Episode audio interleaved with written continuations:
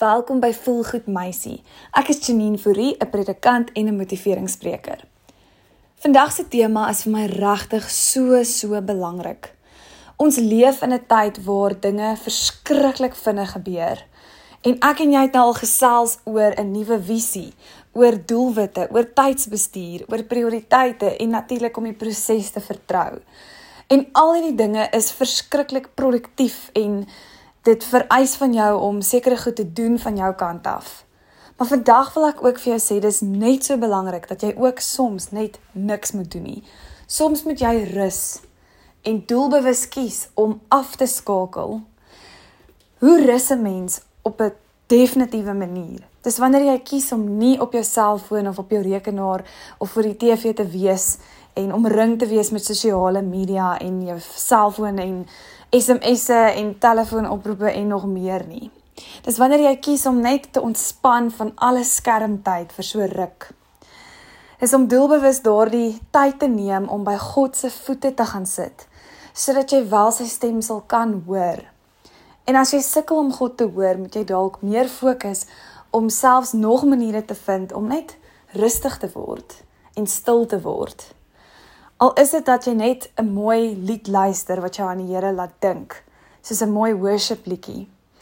Of al is dit dat jy net een Psalm gaan lees en jy lees dit so een of twee keer deur en mediteer eintlik maar net op alles wat in daardie Psalm staan. Al is dit dat jy miskien net stil word en vir die Here vra om jou te vul met sy teenwoordigheid, dat jy opnuut bewus kan word van sy goedheid in jou lewe. Dit is so belangrik dat jy nie so baie druk op jouself moet plaas dat jy nooit rus nie.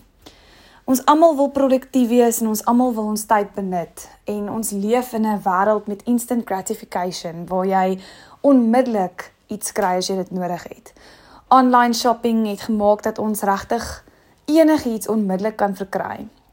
As jy inligting nodig het, dan Google jy dit. Dis so eenvoudig soos dit. Maar dit maak ook dat ons lewens geweldig vinnig is. Alles is vinniger as van tevore.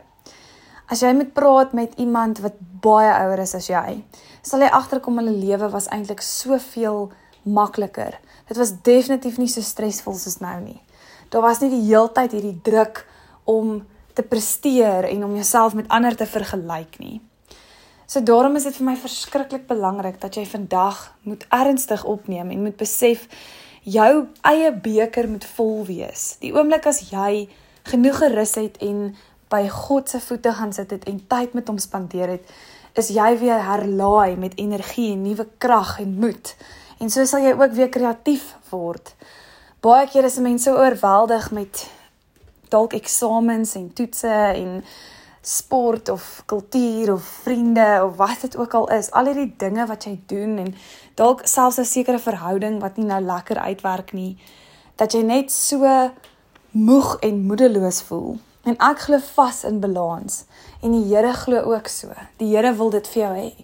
Die Here wil hê jy moet met tye ook ontspan en rus en sag wees op jouself. Moenie jouself uitbrand nie. Leer om partykeer nee te sê vir mense. Want baie keer sê ons ja vir iemand ten koste van onsself, want ons ons wil eintlik almal tevrede stel, maar dit is nie altyd moontlik nie. So dis my absolute wens vir jou dat jy dit sal toepas in jou lewe. Stel gesonde grense.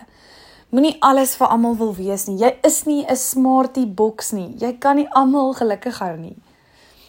Probeer om aktief tyd te maak om ook te rus.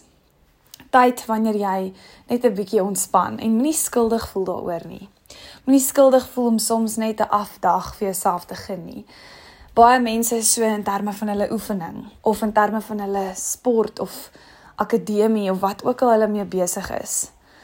Ons plaas geweldig baie druk op onsself en op die ou end kan jy moontlik uitbrand. Jy kan angstig voel en alles kan net te veel voel vir jou.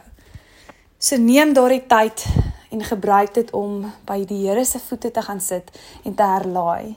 Dis ook natuurlik hoekom daar iets is soos 'n Sabbat. Dis 'n dag van rus. 'n Dag waar ons doelbewus ander dinge doen as dit wat ons normaalweg moet doen. En ek hoop jy kan dit toepas in jou lewe.